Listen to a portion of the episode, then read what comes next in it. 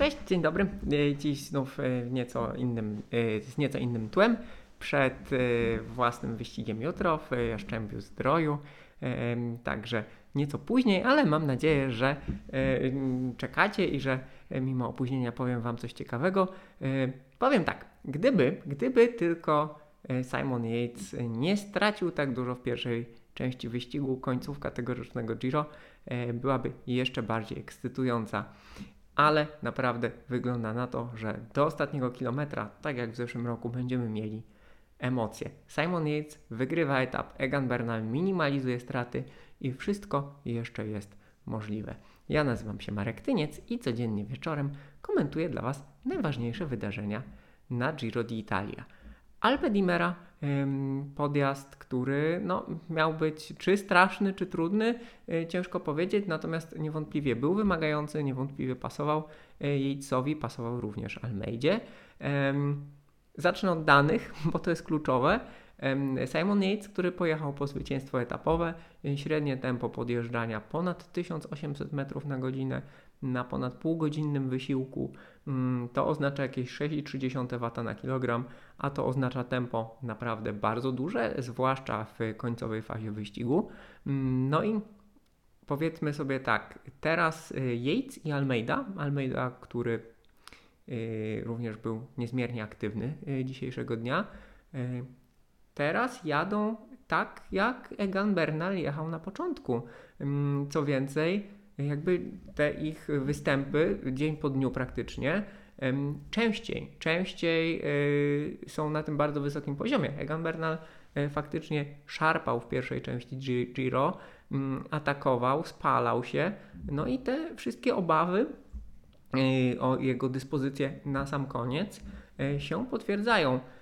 Słuchajcie, to Giro d'Italia i ten przebieg wyścigu z tym goniącym, goniącym Yatesem e, i słabnącym, ale w kontrolowany sposób Bernalem em, przypominają e, Tour de France, gdzie e, Chrisa Fruma gonił Nairo Quintana i kluczową rolę dla Fruma odgrywał Richie Port. Richie Port, który ratował Fruma na Alpe d'Huez e, gdzieś tam pobranym nie do końca zgodnie z regulaminem żelem.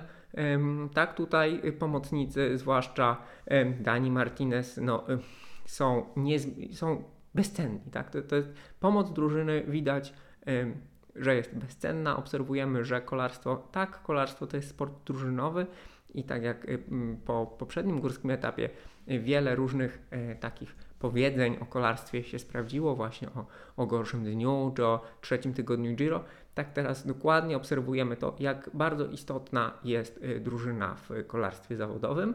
Y, No i jak właśnie Dani Martinez y, ratuje, ratuje Giro d'Italia Eganowi Bernalowi. Egan Bernal, mimo że jest już słabszy, Egan Bernal jedzie wolniej. Tak jak Wam mówiłem, że Egan Bernal już prawdopodobnie nie będzie jeździł szybciej niż jeździł w Dolomitach, to się potwierdza, tak? On nie jedzie już szybciej, jedzie wolniej. Nie jedzie jeszcze tak wolno jak y, Yates w pierwszej części Giro, który jakby tankował te kolejne sekundy, popełniał błędy y, albo nie nadążał.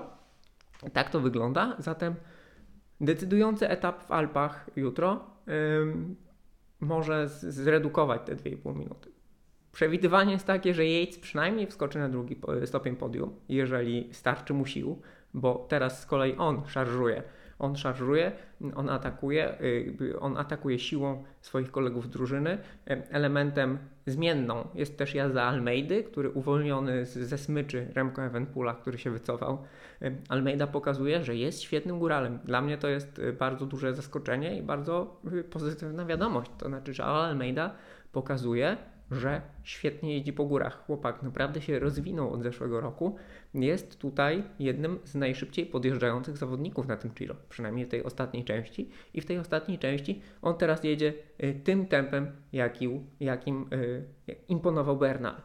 Zatem czekamy na Alpy, y, czekamy na te największe podjazdy w sobotę i zobaczymy w jakiej dyspozycji i z jakimi różnicami wszyscy dojadą do czasówki w Mediolanie. To wszystko zapowiada się fascynująco. Y, Moje przewidywania, Yates z Bernalem walczą o zwycięstwo, Caruso y, kończy trzeci, ale nigdy nic nie wiadomo. Dziękuję Wam uprzejmie. Y, Jutro też będzie później, ale będzie. Także dzięki wielkie i do zobaczenia. Cześć.